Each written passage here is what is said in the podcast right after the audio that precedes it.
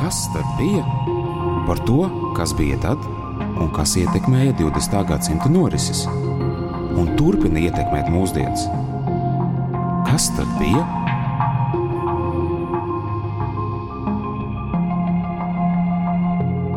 Sveicināti radio un naba klausītāji un skatītāji!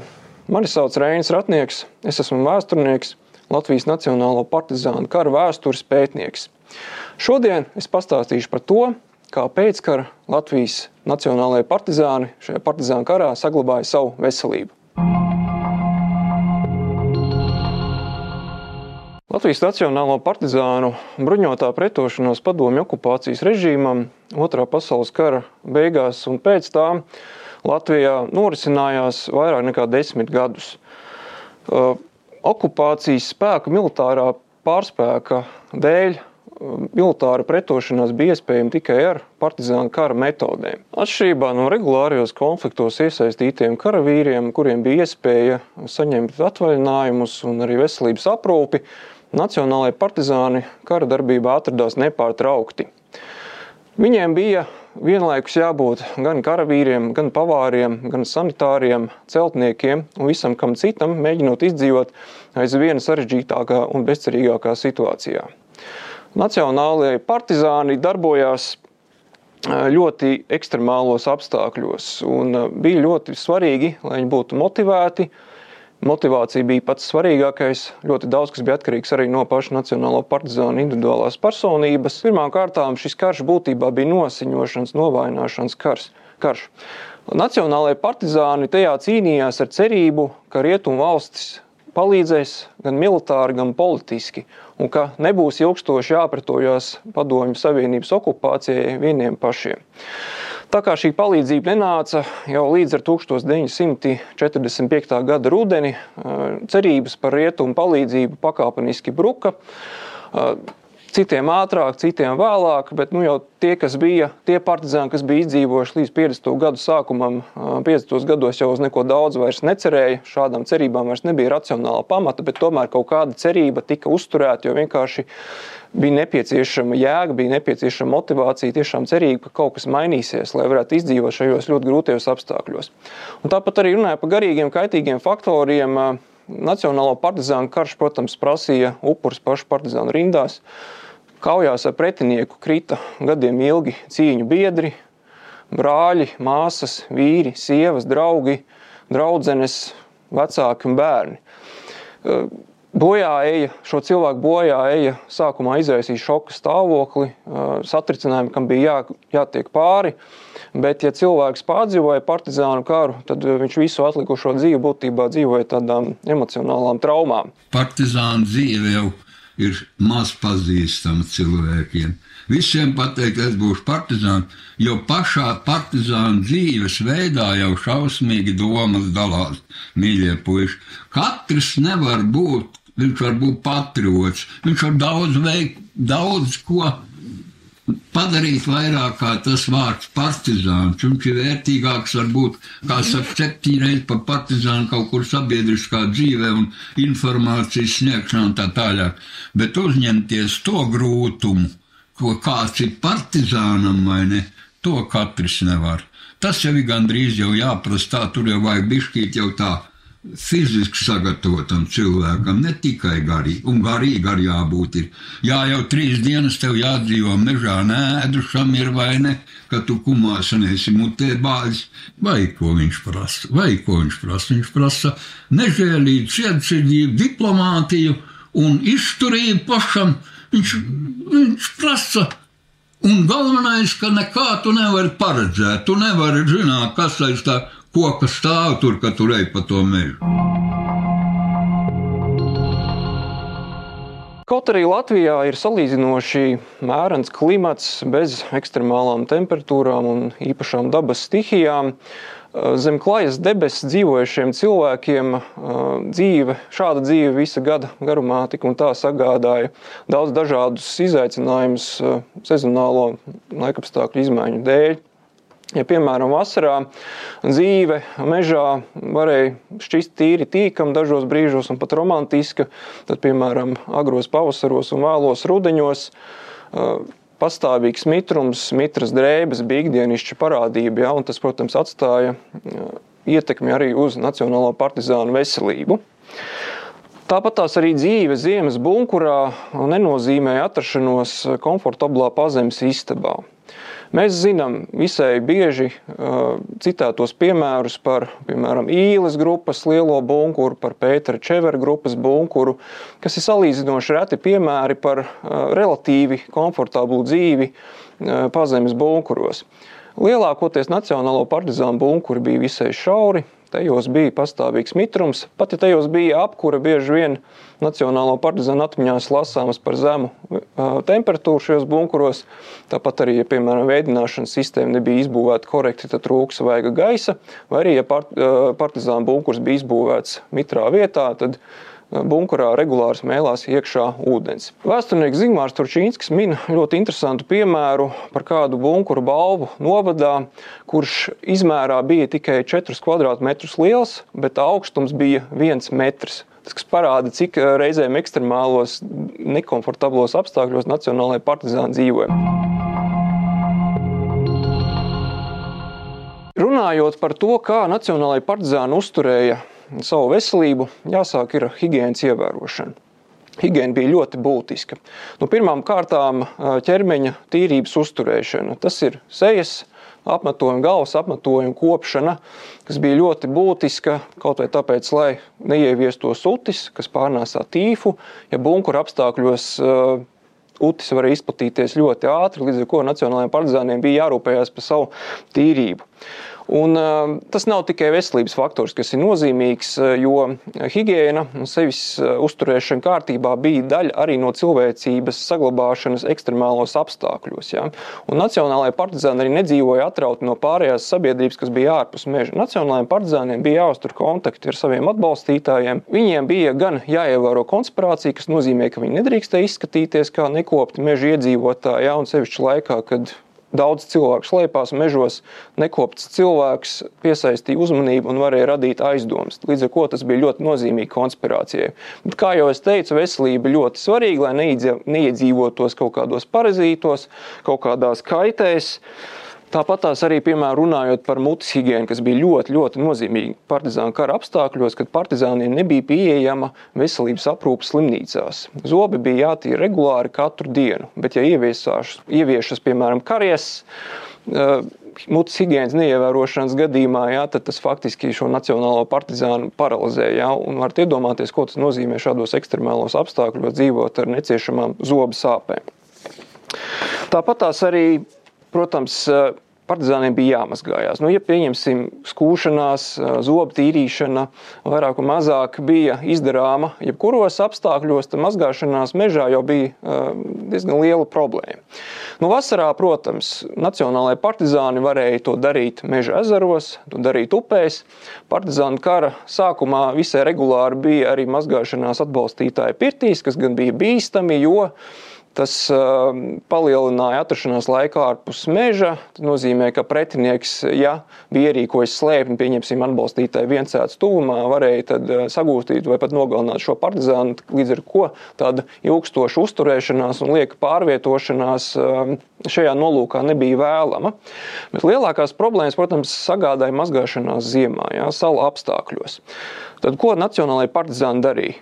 Būtībā izmantoja sniegu. Vai nu to kausēja, vai arī uh, izmantoja to ne, neatkausētu. Nu, kā piemēram, savā atmiņā 90. gados stāstīja Latvijas Nacionālo partizānu apvienības centrāla vidzemes štāba priekšnieks Kārlis Rusovs. Citēju: Vācām un kausējām ūdeni ēdienu gatavošanai, arī priekšmazgāšanās.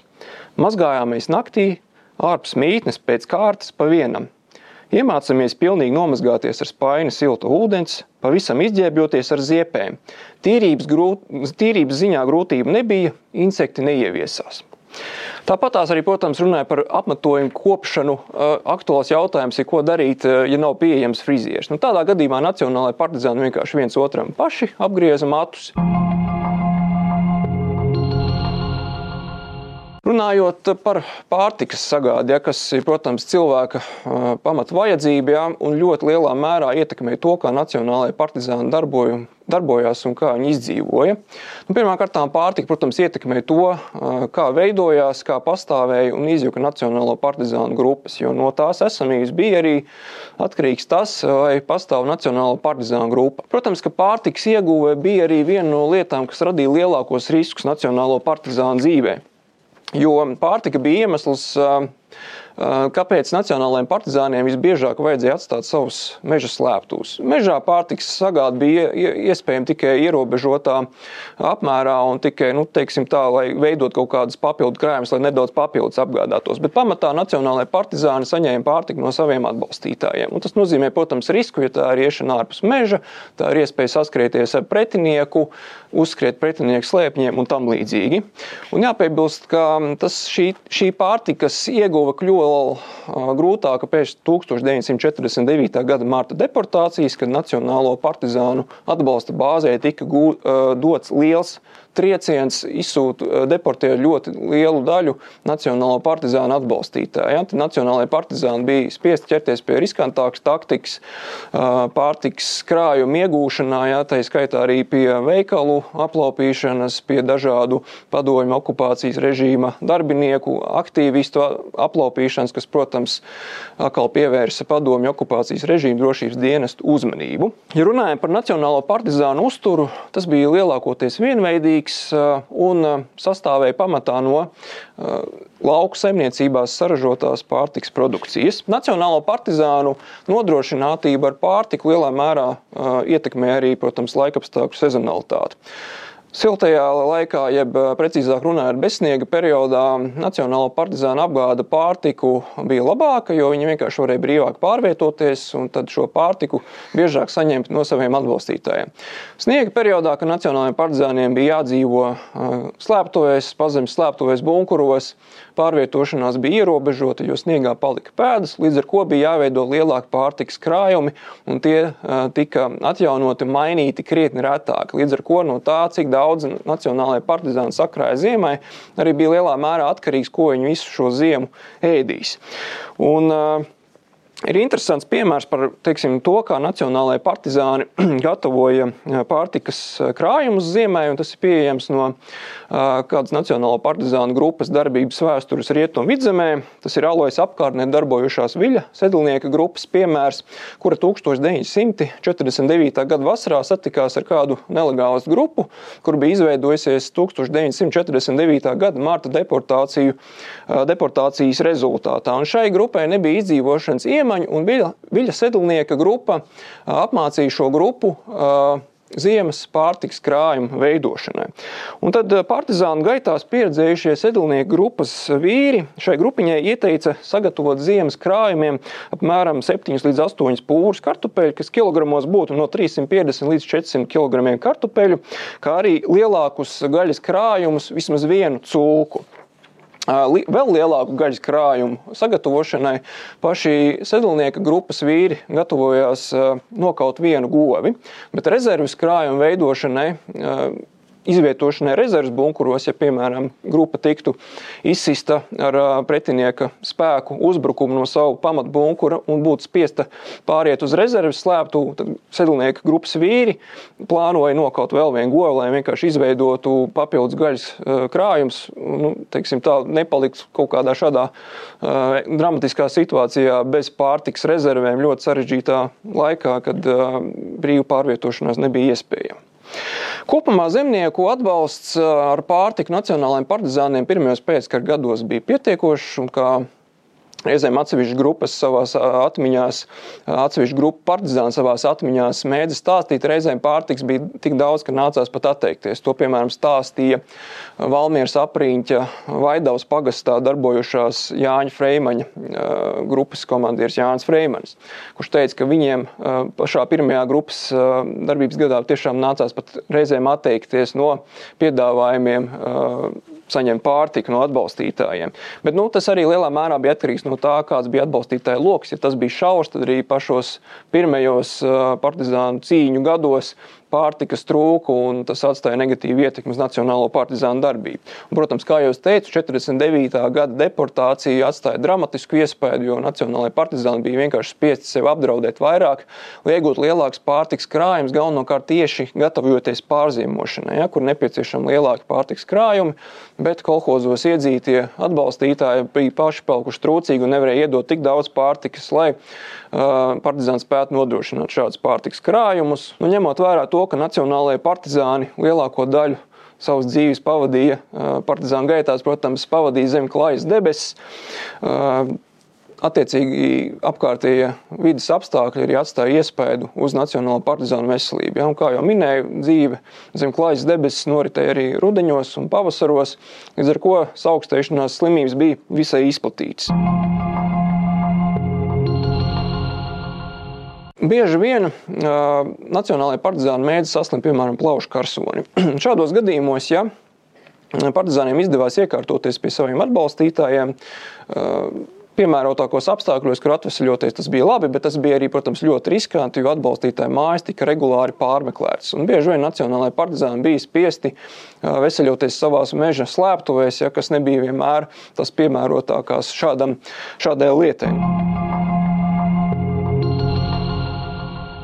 Īpaši bīstamība partizānu kara apstākļos bija kaujās gūtās traumas, jo bieži vien to ārstēšanai bija nepieciešams kaut kādas ķirurģiskas manipulācijas. Tātad kvalificēti cilvēki, lai to darītu. Nu, interesants piemērs no Ziemeļvidzemes ir Igaunijas partizāna Alfrēda Kārmana glābšana, kurš 1945. gada rudenī ar savu grupu Igaunijas teritorijā bija spiests atkāpties uz Latvijas teritoriju. Faktiski viņa grupa tika iznīcināta jau Igaunijas teritorijā, viņš pats tika ievainots rokā ar trasējošo lodi, bet pamanījās sasniegt kādus latviešu iedzīvotājus, kas bija arī vienlaikus Nacionālo partizānu atbalstītāji. Kad viņš nonāca Nacionālo partizānu grupā, viņa stāvoklis ievērojami pasliktinājās. Rokā bija faktiski sākusies gangrēna, bet Nacionālajiem partizāniem ar saviem atbalstītājiem izdevās dabūt no slimnīcas, no Smiltenes slimnīcas ķirurģijas māsu Lidiju Rozi, kura veica rokas amputācijas operāciju, tādēļ izglābjot Alfredam Kārmanam dzīvību. Līdz ar to viņš pēc kādiem mēnešiem viņš atgriezās atpakaļ aktīvajā Nacionālā partizāna grupu darbībā. Es atminos par to lietu tik daudz. Ārste teica tā, ka e, slimnīcas apstākļos vairs nevar tu rokā klavāt. Vajag tikai operēt. Es viņai teicu tā, dariet, kā jūs labāk, labāk ziniet, un es esmu ar mieru un tā tālāk. Nu, tālāk roku nogrieza, Andris aiznesa aiz, uz ābēdārzu vai aiz kūts. Es nezinu, kur tur viņi noraka. Ja sētas malā noraka. Jā. Sētas malā. Jā. Jā. Tu tagad tu neatradīsi vairs tu vietu. tur ir trakt, tur ir nošķūrēts viss. Jā. Zāģē ar zāģēšanu, jā. Jā. Man liekas, pusstundu bija un bija roka nost. Jā, nu, pēc kādam četriem, pieciem dienām stāvoklis uzlabojās. Tā jau bija jau cerības, ka dzīvot, bet sākumā jau diezgan nebija. Nu, šis ir tāds pozitīvāks piemērs, ja, bet šādi piemēri uh, bija iespējams pat lielā mērā retums, jo uh, nereti nacionālajie partizāni pēc smaga ievainojuma gūšanas, apzinoties niecīgās izredzes izdzīvot, vai nu nošāvās, vai arī palika kaujas laukā, lai sektu pārējo bēgošo biedru atkāpšanos. Tāpat tās arī ir gadījumi, ka pieņemsim ievainotiem nacionālajiem partizāniem ir izdevies atrauties no vajātajiem, bet pieņemsim, ja ir bijis augsts laiks, ja ir augsts laiks un viņi ir ievainoti, tad viņi augstā laika dēļ asins zudumu vai vienkārši pārvietošanās grūtību dēļ ir kaut kur palikuši un nomiruši, vienkārši nav spējuši tikt līdz kaut kādiem palīgiem. Un viens no interesantākiem jautājumiem, kas saistīts ar veselības aprūpi, ir dzemdības partizānu kara ietvaros. Jo Nacionālā partizānu grupās arī atradās sievietes, kas bija partizānu draudzenes vai sievas. Un, bieži vien, protams, notika arī dabiskais partizānu grupu dalībnieku skaita pieaugums. Parasti, ja sievietei partizānu grupās tuvojās dzemdības, tad viņu centās iekārtot pie kādiem atbalstītājiem kaut kādā puslegālā dzīvē, lai nodrošinātu labvēlīgākus apstākļus dzemdību norisei.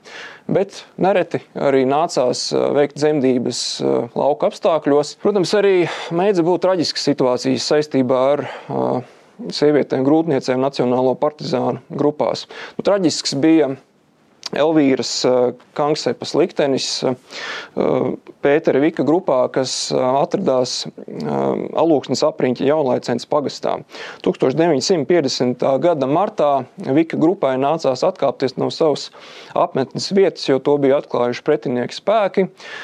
Grupa atkāpās pāri Igaunijas robežai, bet tad Kanksepai sākās dzemdības, priekšlaicīgas dzemdības, un grupa bija spiesta nometināties kaut kādā šķūnītī, bet tur arī viņus atrada šie vajājošie okupācijas režīma spēki. Izraisījās kauja, kuras laikā aizdegās šķūnis, gāja bojā visi nacionālajie partizāni, tā skaitā arī Elvīra Kankse par savu jaundzimušo bērniņu. Partizānu dzīves skarbumu apliecina arī pēdējās relatīvi aktīvās Nacionālo partizānu grupas vēsture. Tad runa ir par Staņislavu Zavacka grupu, kurā padevās okupantiem tikai 1956. gada rudenī. 1955. gadā šai grupai sanāca apšaude ar pretinieka vienību, kuras laikā divi grupas partizāni, tā skaitā arī partizānu komandieris, Staņislavs Zavackis tika ievainoti, bet Nacionālajiem partizāniem izdevās izārstēties pašiem bez jebkādiem medikamentiem. Ja? Tā kā šeit ir liela nozīme bija veiksmes faktora. Veselības faktoru nozīme Nacionālo partizānu kara vēsturē lielā mērā apliecina to, cik liela nozīme bija Nacionālo partizānu atbalstītājiem. Nacionālajie partizāni nevarēja iztikt bez viņiem. Tas ir nevis tikai tāpēc, ka nebūtu no kā ņemt pārtiku, bet arī, kā mēs redzējām, no, arī citās situācijās Nacionālo partizānu atbalstītāju šis dotais atbalsts, palīdzība bija nenovērtējama. Tā bija lielā mērā tas bija iemesls, kāpēc Nacionālajie partizāni varēja tik ilgi pretoties padomju okupācijas režīmam. Tieši šī atbalsta pastāvēšana, tik ilgi, kamēr tas pastāvēja, protams, tas ar laiku mazinājās, līdz ar to arī mazinājās partizānu kustība un tās iespējas izdzīvot. Bet tieši šī līdzcilvēku palīdzība nacionālajiem partizāniem bija viens no nozīmīgākajiem faktoriem, kas palīdzēja nacionālajiem partizāniem izdzīvot šajos nežēlīgajos ekstremālajos apstākļos. Paldies radio un abu klausītājiem un skatītājiem! Ar jums kopā bija vēsturnieks Reinis Ratnieks. Turpiniet klausīties radio. Raidījumu tapšanu finansiāli atbalsta Kultūras ministrija par saturu atbild Latvijas okupācijas muzeja biedrība.